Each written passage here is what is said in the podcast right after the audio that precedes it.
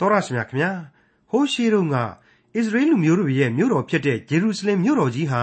ရန်သူတွေဖျက်ဆီးလို့ပျက်စီးခဲ့ရတာကြောင့်ပြန်လည်တိဆောက်ခဲ့ရမှာမြို့တော်တကားတွေကိုနာမည်အမျိုးမျိုးနဲ့မှဲ့ခေါ်တိဆောက်ခဲ့ကြပါတယ်အဲ့ဒီတကားတွေထဲမှာစမ်းရည်တွင်တကားရေတကားမြင်းတကားမိဖခတကားစသဖြင့်ဂျေရုရှလင်မြို့တော်ကြီးမှာတကားတွေအသီးသီးရှိခဲ့ကြပါတယ်အဲ့ဒီတကားတွေထဲက စမ်းရည်တွင်တကားကထူးခြားသလိုရှေ့အနာဂတ်ကိုဖော်ကျူးမှု ပါဝင်နေတယ်ဆိုတာတွေ့ရပါတယ်။အဲ့ဒီစမ်းရည်တွင်တကားဟာဘယ်အရာကိုအသွင်ဆောင်ဖော်ညွှန်းခဲ့ပါသလဲ။စမ်းရည်တွင်ရဲ့နည်းနည်းလာတဲ့အတိတ်ပဲနဲ့ရှေ့အနာဂတ်ကာလအတွက်ဘယ်လိုထင်ဟပ်ဖော်ညွှန်းနေသလဲဆိုတာကိုဒီကနေ့တင်ပြရတော့တမချန်းအစီအစဉ်မှာလေ့လာမှာဖြစ်တဲ့ခရိယန်တမချန်းဓမ္မဟောင်းကျမ်းပိုင်းတွေက နေယမိမတ်စာအခန်းကြီး3အခန်းငယ်15ကနေအခန်းငယ်32အဆုံးအထိမှာတွေ့ရမှာဖြစ်ပါတယ်။မြန်မာစကားမဟုတ်တဲ့အသုံးအနှုန်းတစ်ခုဖြစ်တဲ့မိဖကတကားရဲ့အ내အတိတ်ပဲရှင်းလင်းချက်ကိုလည်းလေ့လာရမှာဖြစ်တဲ့နေယမိမတ်စာအခန်းကြီး3အခန်းငယ်15ကနေအခန်းငယ်32အဆုံးအထိကိုဒေါက်တာထွန်းမြတ်အေးကအခုလိုလေ့လာသုံးသပ်ရှင်းလင်းထားပါတယ်။ နေဟမိမှတ်စာရဲ့အခုအပိုင်းကတော့စမ်းရည်တွင်တကားဆိုတဲ့ယေရုရှလင်မြို့ကတကားကိုလေ့လာရမယ့်အပိုင်းပဲဖြစ်ပါတယ်။ဒီတော့နေဟမိမှတ်စာအခန်းကြီး3အငယ်15ကိုစတင်လေ့လာကြည့်မယ်ဆိုရင်အခုလိုတွေ့ရပါတယ်။မိစပါမြို့တပိုင်းကိုအုပ်သောကောလဟောဇသားရှလုံသည်စမ်းရည်တွင်တကားကိုပြင်၍တကားအမိုးတကားရွက်သော့ကလောက်ကန့်လန့်ကျင်တို့ကိုလှုပ်ထားပြီးလျှင်ဥယျင်တော်နားမှရှိလောင်ရေကန်မြို့ရိုးကိုဒါဝိဒ်မြို့ လှေကားတိုင်အောင်တည်၏စမ်းရည်တွင်တကားဆိုတာကတော့ကယ်တင်ရှင်သခင်ခရစ်တော်ရဲ့သက်တော်စဉ်အတွင်းမှာစမ်းရည်နဲ့ပတ်သက်တဲ့ဖော်ပြချက်တွေအသက်ရည်နဲ့ပတ်သက်တဲ့ဖော်ပြချက်တွေကိုညှို့ရီဖော်ပြနေတာပဲလို့ကျွန်တော်ခံယူပါတယ်အထူးသဖြင့်ရှင်ယောဟန်ခရစ်ဝင်ကျမ်းမှာရှမာရိမိမတယောက်ကိုခရစ်တော်ဘာတွေပြောခဲ့တယ်ဆိုတာကိုဒီအချိန်မှပြန်လည်အောက်မေ့စရာလိုလာပါတယ်ငါပေးသောရေကိုတောက်သောသူမူကားရေငတ်ခြင်းနှင့်အစဉ်ကင်းလွတ်လိမ့်မည် ငါပေးသောရေသည်ထိုသူ၌သာဝရအသက်ရှင်ခြင်းအလို့ငါထွက်သောစမ်းရည်ဖြစ်လိမ့်မည်ဆိုပြီးတော့ခရစ်တော်ပြောဆိုခဲ့ပါတယ်အဲ့ဒီအတိုင်းပါပဲတခုသောတက္ကီနီပွဲတော်မှာတော့ကယ်တင်ရှင်ဟာအခုလိုအသံမြင့်ပြီးတော့ကြွေးကြော်ခဲ့ပါတယ်။ဒါကိုရှင်ယောဟန်ခရစ်ဝင်ကျမ်းအခန်းကြီး9အငယ်38နဲ့38တို့မှာပြန်ပြီးကြည့်လိုက်ရင်အခုလိုတွေ့ရမှာပါ။ထိုပွဲကိုခံ၍နောက်ဆုံးနေ့ဖြစ်သောနေ့မြတ်၌ယေရှုသည်ရက်၍ကြွေးကြော်တော်မူသည်ကား ရေငတ်သောသူရှိလျင်ငါထံသို့လာ၍တောက်လော့ငါကိုယုံကြည်သောသူသည်ကျမ်းစာလာသည့်အတိုင်းအသက်ရည်ထွက်ရာစမ်းရည်တွင်ဖြစ်လိမ့်မည်ဟုမိန့်တော်မူ၏အဲ့ဒါကိုစာရေးသူရှင်ယောဟန်ကဆက်ပြီးတော့အငယ်39မှာအတိတ်ပဲပြန်ဖွင့်ဆိုလိုက်တာရှိပါသေးတယ်ထို့သောမိန့်တော်မူသောယုံကြည်သောသူတို့သည်ခံရလက်တန်သောဝိညာဉ်တော်ကိုရည်မှတ်၍မိန့်တော်မူ၏ယေရှုသည်ဘုံပွင့်တော်မမူသေးသောကြောင့်တန်ရှင်းသောဝိညာဉ်တော်ကို ပေးတော်မမူသေးဆိုပြီးတော့ဖြစ်ပါတယ်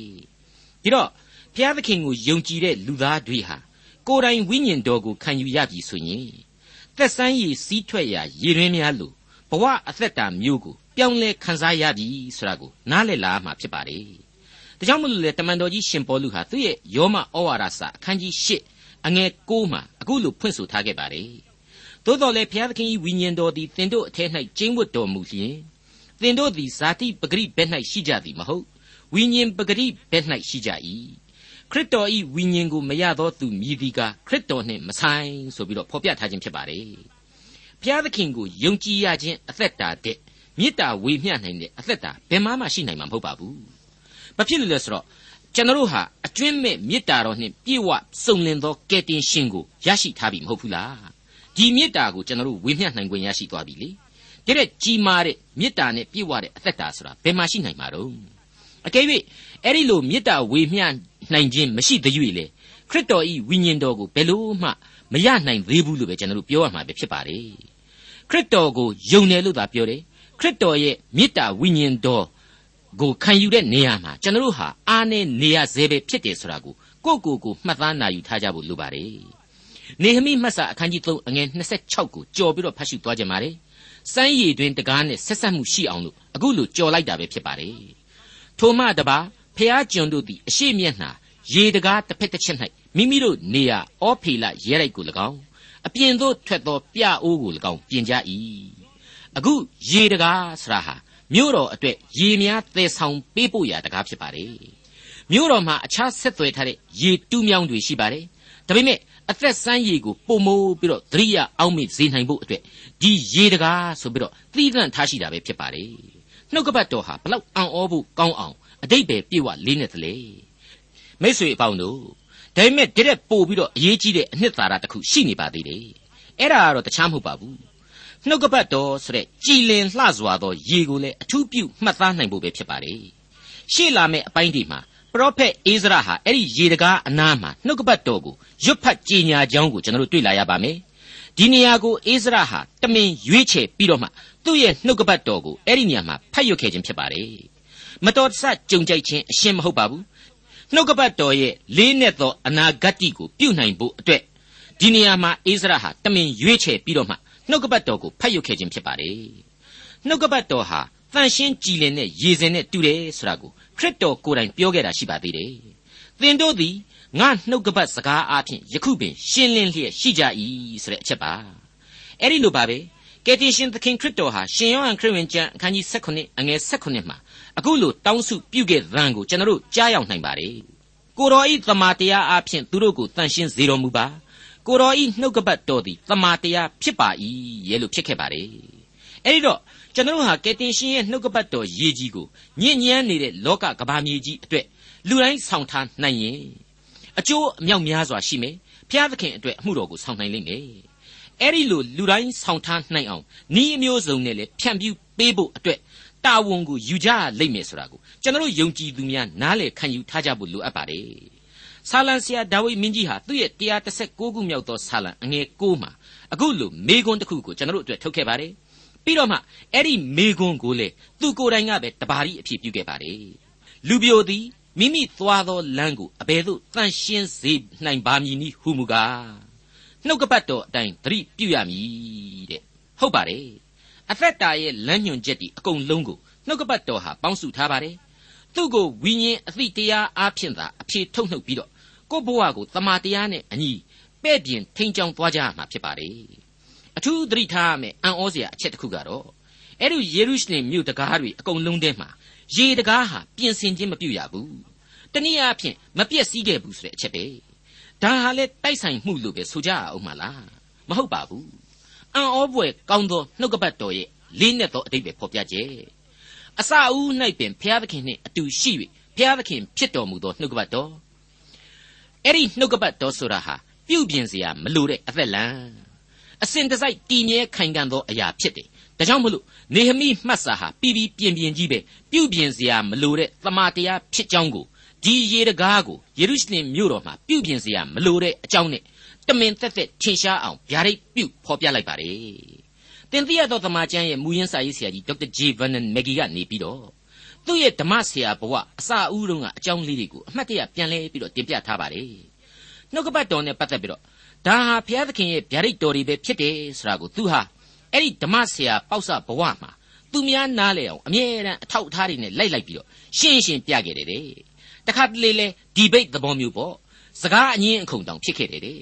တဖြည်းဖြည်းနဲ့သူ့ရင်ထဲမှာနှုတ်ကပတ်တော်ဆိုတာဟာဘာမှညင်းနေစရာခုန်နေစရာမလိုဘူးတက်သေးသာရကတွေသိပ်ပန်နီးကြတွေရှင်းပြနေစရာလည်းမလိုဘူးသမိုင်းသက်ကြီးတွေနဲ့လည်းလိုက်ညှိပြီးတော့တက်သေးတည်နေရမယ့်အရာမျိုးလည်းမဟုတ်ဘူးဆိုတာသူသိလာတယ်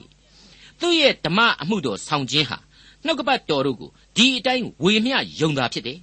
အလိုလိုအသက်ရှင်နေတဲ့နှုတ်ကပတ်တော်ဟာသူ့ဟာသူအသက်အရှိန်တကိုးနဲ့သူ့လမ်းကိုသူရှင်းလင်းသွားမှာသာဖြစ်တယ်ဆိုတာကိုသူလေးနဲ့စွာသဘောပေါက်လာတဲ့အကြောင်းကိုဖော်ပြလိုက်ပါတယ်ဘလောက်အံ့ဩဖို့ကောင်းတယ်လေဒေါက်တာဘော့ရှူလာဆိုတဲ့ဓမ္မဆရာကြီးတယောက်ကလေသူ့တပည့်ကျမ်းစာကျောင်းသားတွေကိုနှုတ်ကပတ်တော်ကိုများမင်းတို့ဘယ်တော့မှလိုက်ပြီးတော့ခုခံကာကွယ်မနေကြနဲ့ဟိနှုတ်ကပတ်တော်ဆိုတာဟာလိုက်ပြီးခုခံကာကွယ်နေခြင်းအပြင် ကေတရားစာချင်းသွေးမင်းကိုတိုက်ခန်းနဲ့ထည့်ထားပြီးမှလုံခြုံအောင်ဆိုပြီးတော့ခွေးတွေမွေးထားတာ ਨੇ အတူတူပဲရည်စရာကြီးဖြစ်နေလိမ့်မယ်ဆိုပြီးတော့ပြောခဲ့ပူပါတယ်မှန်ပါတယ်နှုတ်ကပတ်တော်ဆိုတာဟာခုခံကာကွယ်ရမယ့်အရာအရှင်းမဟုတ်ပါဘူးကြောက်ရွံ့ယိုသည်ခံရရမယ့်အရာလူသတ္တဝါတို့စီးပူးကြရမယ့်အရာမထိတွေ့ရသေးသောသူများကိုဝေမျှရမယ်အသက်လန်းသာဖြစ်ကြောင်းအလေးအနက်တင်ပြလိုက်ပါရစေအခုအချိန်မှာတော့နေဟမိမှတ်စာကနေပြီးတော့မြင်းတကားဆိုတာကို ဒီနေဟမိဟာဘယ်လိုဆက်လက်ပြီးတော့ရှင်းလင်းသွားမယ်ဆိုတာကိုနားဆွင့်ကြည့်ကြပါအောင်စို့နေဟမိမှတ်စာအခန်းကြီး3အငယ်28မြင်းတကားအထက်ယေဘရဟိတ်တို့သည်မိမိတို့နေရာအိမ်တစ်ဖက်တစ်ချက်၌အသီးသီးပြင်ကြ၏မြင်းတကားဆိုတာကတော့ယေရုရှလင်မြို့တော်အရှိဘက်အုတ်တိုင်းဘက်ကတကပေါက်ဖြစ်ပါတယ်အဲ့ဒီမြင်းတကားဆိုတာဟာဣသရေလလူမျိုးတို့အတွက်အနာဂတ်ရေးကြိုတင်မျှော်လင့်ခြင်းများအကြောင်းကိုဖော်ဆောင်တယ်လို့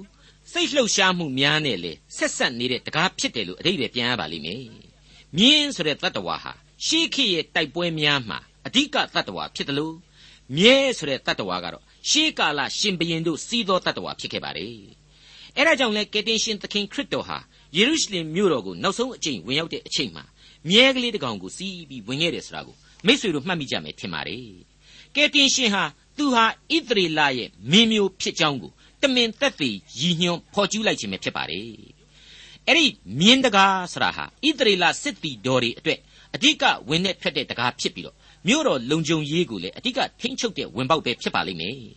အဲ့ဒီမြင်းတကားဟာအဆောင်ကင်းတက်သားတွေအနေနဲ့အရှိဘက်ကနေမင်းကြီးရဲ့အလင်းရောင်ကိုအစောဆုံးတွေ့ရတော့မှပဲဒီညတညတော့ဖြင့်ငိမ့်ချမ်းစွာလွန်မြောက်ခဲ့ပြီဆိုတာကိုစိတ်ချနိုင်ခွင့်ရှိသလို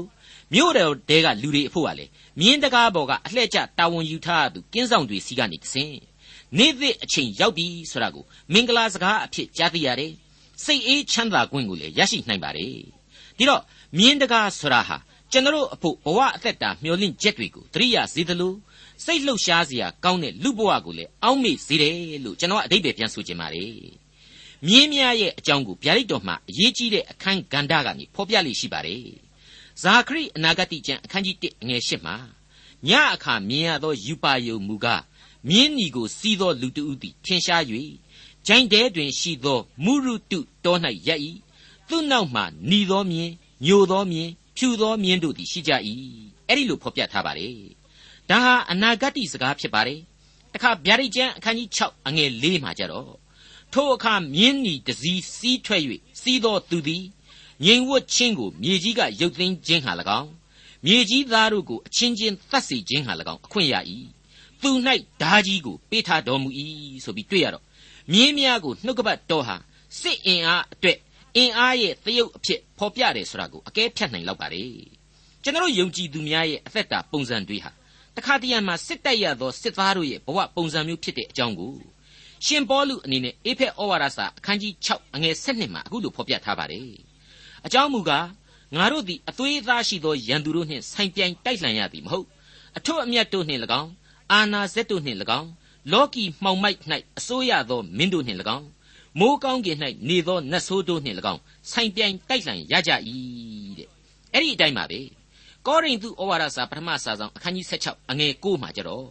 အကြောင်းမူကားအလွန်ကြီးစွာသောတကားသည်အစဉ်သင့်၍ငါအားဖွင့်လျက်ရှိ၏စီတာသောသူများလည်းရှိကြ၏ဆိုပြီးတော့ ဖော်ပြထားပါတယ်တိမောသေဩဝါဒစာဒုတိယစာဆောင်အခန်းကြီး2အငယ်3မှာဆိုရင်ယေရှုခရစ်ထံ၌ကောင်းသောစစ်သူရဲကဲ့သို့ဆင်းရဲဒုက္ခကိုသိခံလောဆိုပြီးတော့ဖော်ပြသုံးသင်ထားပါတယ်စစ်မှန်သောခရိယန်တို့ရဲ့ယုံကြည်ခြင်းအသက်တာဆိုတာဟာသစ္စာတရားဘက်ကနေပြီးတော့အစဉ်တစိုက်အားထုတ်ယက်တီရခြင်းမျိုးဖြစ်ရပါလိမ့်မယ်အဲ့ဒီသစ္စာတရားဆိုတာကတော့ကယ်တင်ရှင်သခင်ခရစ်တော်ဟာအပြစ်လောကအတွက်အသေးခံတော်မူခဲ့တယ်အပြစ်လောကအတွက်အသက်ပြန်ပြီးတော့ရှင်ပြန်ထမြောက်ခဲ့တယ်ဆိုတဲ့ ဝမ်းမြောက်ဖွယ်ဧဝံဂေလိသတင်းစကားသာဖြစ်ပါတယ်ခင်ဗျာအခုဆက်လက်တင်ပြဖို့ရှိတာကတော့ East Gate လို့ခေါ်တဲ့အရှိတကားအကြောင်းပဲဖြစ်ပါတယ်ဒါကိုနေဟမိမှတ်စာကနေအခုလိုဖော်ပြလိုက်ပါတယ်နားထောင်ကြည့်ကြပါနေဟမိမှတ်စာအခန်းကြီး3အငယ်29သူတို့နောက်မှအေးမေရသာဇာဒုတ်သည်မိမိအိမ်တစ်ဖက်တစ်ချက်၌ပြင်၏သူ့နောက်မှရှေကနိသားအရှိတကားမှုရှေမာရပြင်၏ ပြီးခဲ့တဲ့မြင်းတကားဟာအရှိတကားတစ်ခုဖြစ်တယ်လို့အခုအချိန်မှာအရှိတကားဆိုပြီးတော့သီးသန့်သတ်မှတ်ထားတဲ့တကပေါက်ကြီးတစ်ခုရှိလာတာကိုတွေ့ရပါတယ်သူဟာလည်းမြင်းတကားရှိတဲ့စစ်ပြင်ဆင်ရာအရက်စစ်ထွက်ရာအရက်မြို့တော်လုံခြုံရေးအရက်တဲ့မလျော့သောအလွန်အရေးကြီးတဲ့အဓိကရမုတ်ဦးကြီးတစ်ခုလို့ကျွန်တော်တို့ခံယူနိုင်ပါတယ်မြင်းတကားပေါ်ကစစ်သားတွေအဆောင်တွေဟာမြို့တော်ရဲ့လုံခြုံရေးကိုအဓိကတာဝန်ယူရတယ်လို့အခုအရှိဘက်တဲ့တဲ့ကိုမျက်နှာမူထားတဲ့တကားဟာလေ ပို့ပြီးတော့လုံခြုံရေးအတွက်တာဝန်ယူရလိမ့်မယ်နေထွက်လာရအရက်စီကိုဥတီထားရတဲ့အရှိတကားပေါ့ဒီတော့ဒီအရှိတကားဟာမြို့တော်ရဲ့နံပါတ်1မျှော်စင်လို့ကျွန်တော်တို့ခေါ်ဆိုရင်ရပါလိမ့်မယ်အဲ့ဒီတကားစီကမျှော်လင့်ခြင်းဆိုတာကတော့ပို့ပြီးတော့အရေးပါအရာရောက်တဲ့မျှော်လင့်ခြင်းဖြစ်ရတယ်လို့ဒီတကားဟာယေရုရှလင်မြို့သားတို့အတွက်အသက်တမျှအရေးကြီးတဲ့တကားတစ်ခုလို့ကျွန်တော်ကဆိုချင်ပါတယ်ဒီကနေ့ခေတ်မီယေရုရှလင်မှာဆိုရင်အရှိတကားဟာပိတ်ထားတဲ့တကားဖြစ်ပါတယ် ဓမ္မပညာရှင်တို့ရဲ့ဗျာဒိတ်ကျမ်းပေါ်မှာထုတ်နှုတ်ယူတဲ့အဖြစ်အရာကယ်တင်ရှင်သခင်ခရစ်တော်ဟာဒီမြို့တော်အရှိတကားကနေပြီးတော့မှဒုတိယအကြိမ်မြောက်ဝင်ရောက်လာမယ်လို့ယူဆကြတဲ့လူတွေရှိတယ်လို့အဲ့ဒီအတိုင်းမဟုတ်ဘူးဆိုပြီးတော့ညင်းကြခုံကြတာတွေလည်းရှိပါတယ်အနာဂတ်တိတို့ရဲ့ခက်ခဲသောအဖြေများကိုထုတ်ယူဖို့လူသားအုံနှောက်ဟာညံမမိပါဘူးခရစ်တော်ဟာဒီမြို့တော်တကားကဝင်မှာကိုဆိုလိုတာမဟုတ်ဘူး ယေရုရှလင်မြို့တော်ရဲ့ရွှေတကားပေါက်ကနေသာဝင်မှာဖြစ်တယ်ဆိုပြီးတော့အတိတ်ပဲပြန်ဆိုတာဟာပို့ပြီးတော့တိကျတယ်လို့ပဲကျွန်တော်အနေနဲ့ကတော့ယုံကြည်ပါတယ်ဒုတိယအချိန်သခင်ခရစ်တော်ကြွလာတော်မူမဲ့အချိန်ကာလဟာဆိုရင်အလွန်ကြောက်မဲ့ဖွယ်အပြောင်းအလဲကြီးရဲ့အချိန်ကာလဖြစ်ပါတယ်လူသားတွေတွေးဆွနိုင်တဲ့၍တွေးဆတာဟာအပြစ်မရှိပေမယ့်ဘယ်လို့မှတော့ဒီလူသားအုံနှောက်နဲ့ကယ်တင်ရှင်ရဲ့ဒုတိယအချိန်ကြွလာတော်မူခြင်းအကြောင်းဟာ အတိအကျကောက်ချက်တွေမပေးနိုင်ဘူးလို့ကျွန်တော်ကတော့ပြက်ပြက်သားသားပဲတင်ပြလိုက်ပါရစေ။ဘာပဲဖြစ်ဖြစ်မြို့တော်ရဲ့အဲ့ဒီအရှိတကားပေါက်ဟာလူသားတို့အတွက်ကယ်တင်ရှင်ကြွလာခြင်းကိုပေါင်းစုမျှော်လင့်ရာအရက်အဖြစ်တော့အမှန်ပဲရက်တန့်စောက်ဆိုင်တဲ့အရက်လို့ကျွန်တော်အနေနဲ့လေးနဲ့စွာယုံကြည်ပါတယ်။ကျွန်တော်ကဒီယုံကြည်ချက်ကိုဘာဖြစ်လို့ခိုင်မာစွာဆွဲကင်ထားတယ်လဲဆိုရင်ခရစ်တော်ဟာကျွန်တော်ယုံကြည်သူအသင်းတော်ကိုကကာလရဲ့ဒုက္ခခံစားမှုတွေကိုရင်မဆိုင်ရစေဘဲနဲ့ သိသိမယ်ဆိုပြီးတော့နှုတ်ကပတ်တော်ဟာသင်ကြားပေးထားပါတယ်ဒါကို rapture လို့ခေါ်တဲ့သိသိခြင်းဆိုပြီးတော့ကျွန်တော်တို့နားလည်ထားပြီးဖြစ်လို့စောင့်မျှော်မယ်ဆိုရင်အရှိတကားဟာကျွန်တော်တို့မျှော်ကြည့်ရအရက်အဖြစ်အထိုက်တန်ဆုံးတကပောက်ကြီးတစ်ခုပဲလို့ကျွန်တော်တွက်ဆပါတယ်ခရိယန်တွေဟာအကုန်ယေရုရှလင်ကိုသွားပြီးတော့အရှိတကားမှာလူစုရမယ်လို့မဆိုလိုပါဘူးမျှော်လင့်ခြင်းယုံကြည်ခြင်းအပြည့်အဝနဲ့ အသင့်မိမိတို့ရှိနေတဲ့နေရာမှာစိတ်နှလုံးတကားကိုပြင်ဆင်ပြီးစောင့်စားရမယ်လို့သာဆိုလိုခြင်းဖြစ်ပါတယ်ဒီနေရာမှာယုံကြည်သူအသင်းတော်ကိုခရစ်တော်ရဲ့သိသိခြင်းအကြောင်းကိုသက်သာလောနိဩဝါဒစာပထမစာဆောင်အခန်းကြီး၄အငယ်16နဲ့ညှိပြီးတော့ကြည့်ကြပါသခင်ဖျားသည်ကြွေးကြော်ခြင်းကောင်းကင်တမန်အသံပေးခြင်းဖျားသခင်၏တဘိုးတော်ကိုမှုတ်ခြင်းနှင့်တကွကောင်းကင်ဘုံမှကိုယ်တိုင်ဆင်းသက်တော်မူ၍ခရစ်တော်၌သေလွန်သောသူတို့သည်အူးထမြောက်ကြလိမ့်မည်ရဲ့လို့အခိုင်အမာဖော်ပြထားပါတယ် အဲ့ဒီလိုပါပဲအငယ်16မှာဆက်လိုက်တာကတော့ပို့ပြီးတော့တောင်ပြီးပြင်းပါတယ်ထိုအခါအသက်ရှင်၍ကြံကျွင်းသောငါတို့သည်အာကာသကောင်းကင်၌သခင်ဖျားထံတော်သို့ရောက်စီခြင်းဟာထိုသူတို့နှင့်တကွမိုးတိမ်ပေါ်သို့ချီဆောင်ခြင်းကိုခံရသောအဖြစ်သခင်ဖျားနှင့်အတူအစင်မပြတ်နေရကြလိမ့်မည်တဲ့မိတ်ဆွေအပေါင်းတို့ခမညာအိစရာမှတ်စာမှာကလေးကခရစ်တော်ရဲ့ပထမအကြိမ်ကြွလာတော်မူခြင်းဗျာဒိတ်အချက်များ300ခန့်တို့ဟာ အကုန်ပြည့်စုံခဲ့ခြင်းဖြစ်ခဲ့ပြီဆိုတာကိုကျွန်တော်ဖော်ပြခဲ့ပါတယ်အဲ့ဒီအတိုင်းပါပဲအနာဂတ်ကာလရဲ့ဒုတိယအကြိမ်ကြွလာတော်မူခြင်းဗျာဒိတ်တော်များဟာလေနောက်ထပ်အချက်ပေါင်း300လောက်ရှိသေးတယ်လို့ဓမ္မသုတေသီများကခန့်မှန်းထားပါတယ်ဒါပေမဲ့လူသာမညအုံနှောက်နဲ့ဒီအနာဂတ်တိတွေကိုအခိုင်အမာနားမလည်နိုင်လောက်ဘူးလို့ကျွန်တော်ကပြောခဲ့ပါတယ်ဟုတ်ပါတယ်အလွန်ခက်ခဲနေနေလှတဲ့ဘုရားသခင်ရဲ့စီရင်တော်မူခြင်းကိုကိုယ်ပိုင်အယူအဆတွေနဲ့စိတ်ဇောတွေနဲ့ အပြေရှာပြီးတော့ညှင်းခုန်ဖို့မလိုပါဘူးအလိုအဆုံးအရာဟာအမှန်တကယ်ကြွလာတော်မူခြင်းကိုယုံကြည်ဖို့ရန်သာဖြစ်ပါတယ်အဲ့ဒီယုံကြည်ခြင်းတရားကိုရင်ဝယ်ပိုက်ထားပြီးတဲ့နောက်မှာမှာဘဝရဲ့အရှိဘက်တကားမှာရပ်တန့်ပြီးတော့သခင်ဖျားမှာကြားခဲ့တယ်လို့ဆုတောင်းလျက်စောင့်နေကြလောဆိုတဲ့အမိန့်အတိုင်းဆုတောင်းလျက်စောင့်ဆိုင်နေခြင်းဟာလက်တွေ့အကျဆုံးပဲဖြစ်လိမ့်မယ်လို့ကျွန်တော်ပြတ်သားစွာတင်ပြလိုက်ပါရစေအငယ်30သူ့နောက်မှမှရှေလမိသားဟာနနီ ဇာလက်ဤသရုတ်ထသားဟာနုံတို့သည်ပြင်ကြ၏သူတို့နောက်မှမှဘေရခိသားမေရှုလန်သည်မိမိအိယာအခန်းတစ်ဖက်တစ်ချက်၌ပြင်၏ဘေရခိသားမေရှုလန်သည်မိမိအိယာခန်းတစ်ဖက်တစ်ချက်၌ပြင်၏ဆရာဟာအတော့အရေးပါအရာရောက်တဲ့လေးနဲ့တဲ့မြင်ကွင်းလေးတစ်ခုပါပဲတနိုင်တစ်ပိုင်းဆောင်ရွက်ခြင်းလို့မြင်ရပါတယ်အင်္ဂလိပ်ကျမ်းစာအရ over against his chamber လို့ဖော်ပြထားပါတယ်ကျွန်တော်အဖို့ပေးလိုက်တဲ့သင်ခန်းစာကတော့ များများမပြင်နိုင်ရင်တောင်နေကြဝေးဝေးမသွားနိုင်ရင်လည်းနေချင်နေကြကိုမိသားစုကိုပတ်ဝန်းကျင်မှာတော့ကိုဟာဘုရားသခင်ရဲ့ဘုန်းတော်ကိုထင်ရှားစေရမယ်ဆိုတဲ့အမိန့်တော်ပဲဖြစ်ပါတယ်အခုကျွန်တော်ဆက်လက်လေ့လာသွားမှာတော့မိဖကတကားဆိုပြီးတော့ဖြစ်ပါတယ်နေဟမိမှတ်စာအခန်းကြီး3အငယ်31ကိုဖတ်ရှုကြည့်ကြပါစို့သူ့နောက်မှဗဒိန်သမားမာလခိသည်မိဖကတကားတစ်ဖက်တစ်ချက်၌ဖျားကျွန်နေရာနှင့်ကုံသည်နေရာအရက်တိုင်အောင်၎င်း မြို့တောင်တဲ့ရအရက်တိုင်အောင်၎င်းပြင်၏အခုဗမာလိုနှုတ်ကပတ်တော်တဲ့ကမိဖကဆိုတာကျွန်တော်လည်းပြောရတာတော်တော်ကိုရှားလဲပါတယ်သူ့ကိုအင်္ဂလိပ်ကတော့ myth cat ဆိုပြီးတော့ရှင်းရှင်းပဲဖော်ပြပါတယ်ဟေဘရဲဝါဟာရအဖြစ်ဆရာကြီးယူရသန်ကမြန်မာလိုတိတိကျကျပြန်တဲ့အခါကျတော့အဲ့ဒီလိုရှာလဲသွားတဲ့အသံမျိုးထွက်သွားတယ်မိဖကတ်တဲ့အဲ့ဒီဟေဘရဲဝေါ်ဟာရရဲ့အတိတ်ပဲကတော့ပြန်လဲသုံးသပ်စစ်ဆေးခြင်းမှတ်တမ်းတင်ခြင်းဆိုတဲ့အတိတ်ပဲတွေကိုဆောင်ခြင်းပါလေယေ ရုရှလင်မြို့တော်တဲကိုဝင်ခြင်းသူတယောက်ဟာဒီနေရာမှာစစ်ဆေးခြင်းခံရလိမ့်မယ်ပြီးတော့မှတ်တမ်းတင်ခြင်းကိုခံရလိမ့်မယ်ရှေးခေတ်တုန်းကအခုခေတ်လိုဗီဇာမရှိသေးလို့ပြည်တော်ဝင်သူတွေကိုစစ်ဆေးတဲ့ဤပဲပေါ့သဘောတရားချင်းကတော့အတူတူပဲလို့ကျွန်တော်တွက်ဆပါတယ်ပြီးတော့ဒီမြို့တော်ရဲ့တိုက်ပွဲဗျံဒီကိုကြိုးစိုးဂုံပြုတဲ့အပြန်လန်းဝါလို့လည်းကျွန်တော်တွက်ဆပါတယ်ဥပမာဆိုရင်ဒါဝိဒ်မင်းကြီးဟာသူ့ရဲ့ဗိုလ်ချုပ်ယွာဘဥဆောင်တဲ့တပ်တီရှေ့တန်းကပြန်လာမယ်ဆိုရင် အဲ့ဒီနေရာကနေစောင့်ကြိုနေခဲ့မှာဖြစ်ပါတယ်ယေရုရှလင်မြို့သူလေးတွေဟာလေဗိုလ်ချုပ်ယွာဘဥဆောင်တဲ့တပ်တီကိုအောင်တပြေပန်းကန့်လှန်ခဲ့တဲ့အရက်လို့ကျွန်တော်တွေးဆပါတယ်ဒါဝိဒ်ကိုအလွန်ချစ်မြတ်နိုးခဲ့တဲ့ဣသရေလတပ်မတော်ဒါဝိဒ်ပြုစုပြိုးထောင်ခဲ့တဲ့ဣသရေလတပ်မတော်တို့ဟာလေအဲ့ဒီမစ်ကတ်တကားမှာအပြန်အလှန်မေတ္တာစိတ်ဓာတ်များနဲ့အောင်ပွဲတွေခံကြမှာအမှန်ပဲလို့ကျွန်တော်တွက်ဆပါတယ်ဣသရေလဧကရစ်ဘုရင်မင်းမြတ်ဖြစ်သူဒါဝိဒ်ဟာဘလောက်အထိအဲ့ဒီအချိန်မှာ ပြုံးပြုံးရွှင်ရွှင်ကြည်ကြည်နူးနူးရှိလိမ့်မလဲဆိုတာကိုလည်းကျွန်တော်တွေးမိပါတယ်ထို့အတူပဲတိုက်ပွဲများကိုအောင်မြင်လာတဲ့ယွာဘဥဆောင်တဲ့ဣသရေလတပ်တော်ဟာလေဒီနေရာမှာအုံအုံကြက်ကြက်စူးစူးညံ့ညံ့နဲ့အောင်ပွဲတွေခံခဲ့လိမ့်မယ်လို့ကျွန်တော်တွေးဆပါတယ်မိษွေအပေါင်းတို့ခမညာသက်သာလောနိဩဝါဒစာအရာကျွန်တော်ယုံကြည်သူတွေကိုကယ်တင်ရှင်ဟာဒုက္ခခံစားရအချိန်ကိုမကြုံစေဘဲနဲ့ကြိုတင်သိမ့်စီမယ်ဆိုတာနဲ့ပဲကိစ္စပြီးပြတ်သွားအောင်မယ်မဟုတ်ပါဘူးကောရိန္သုဩဝါဒစာဒုတိယစာဆောင်အခန်းကြီး9အငယ်30အရာ ကျွန်တော်မြင်ရတဲ့အချက်တွေရှိပါသေးတယ်အကြောင်းမူကားငါတို့ရှိသမျှသည်ကိုခန္ဓာ၌ရှိသောအကျင့်ကောင်းမကောင်းရှိသည့်အတိုင်းအကျိုးအပြစ်ကိုအသီးသီးခံခြင်းဟာခရစ်တော်ဤတရားပလင်ရှိ၌ပေါ်လာကြရမည်လို့ဆိုထားပါတယ်အဲ့ဒါကတော့ကျွန်တော်အတွက်ခရစ်တော်ဟာယုံကြည်ခြင်းပမာဏအတိုင်းပဲအထူးဆုကျေးဇူးတွေကိုလည်းချီးမြှင့်ခြင်းပဲဖြစ်ရပါလိမ့်မယ်အကျိုးအပြစ်ဆိုတာဟာအပြစ်ဒဏ်ပေးခြင်းတဲ့ပို့ပြီးတော့ကောင်းသောဆုမင်္ဂလာများနဲ့ပတ်ရခြင်းလို့ကျွန်တော်ကတော့ခံယူပါတယ် အပြစ်ဒဏ်ပေးခြင်းသဘောမျိုးမဟုတ်ပါဘူးမိษွေအပေါင်းတို့ခမညာ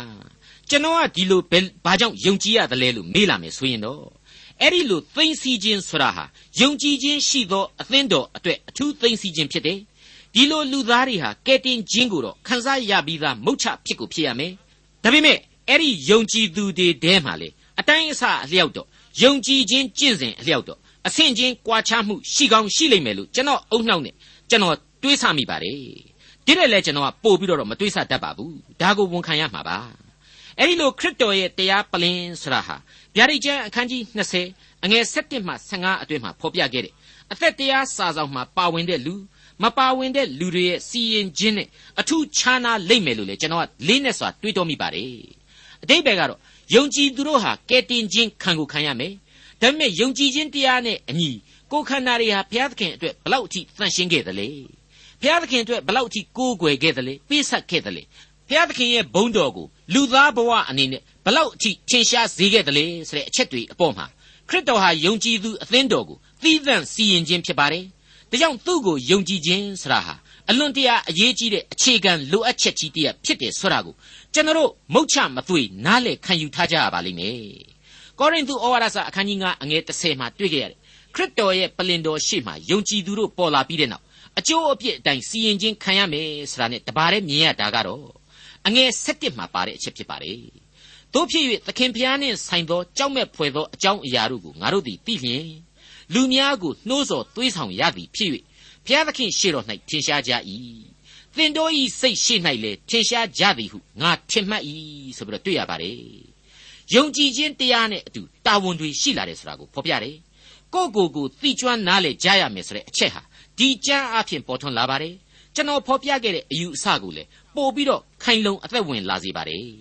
ဒီတော့မိပကသို့မဟုတ် myth ကတကားဆရာဟာကျွန်တော်အဖို့မိမိတို့ရဲ့ယုံကြည်ခြင်းအင်အားကိုဆန်းစစ်ဝေဖန်ရာအရာမိမိတို့ရဲ့မျှော်လင့်ခြင်းများကိုချထားရာအရာဖြစ်တဲ့အကြောင်းလေးစားစွာတင်ပြလိုက်ပါရစေနေဟမိမှတ်စာအခန်းကြီး3အငယ်32ဏီကုံမြို့တောင်တက်ရအရမှစ၍ သိုးတကားတိုင်အောင်ဗရင်သမားများနှင့်ကုံတယ်များတို့သည်ပြင်ကြ၏မိษွေအပေါင်းတို့ခမညာဒီအပိုင်းလေးဟာအလေးအနက်စဉ်းစားစရာအချက်ဒီပေါ်လာပါတယ်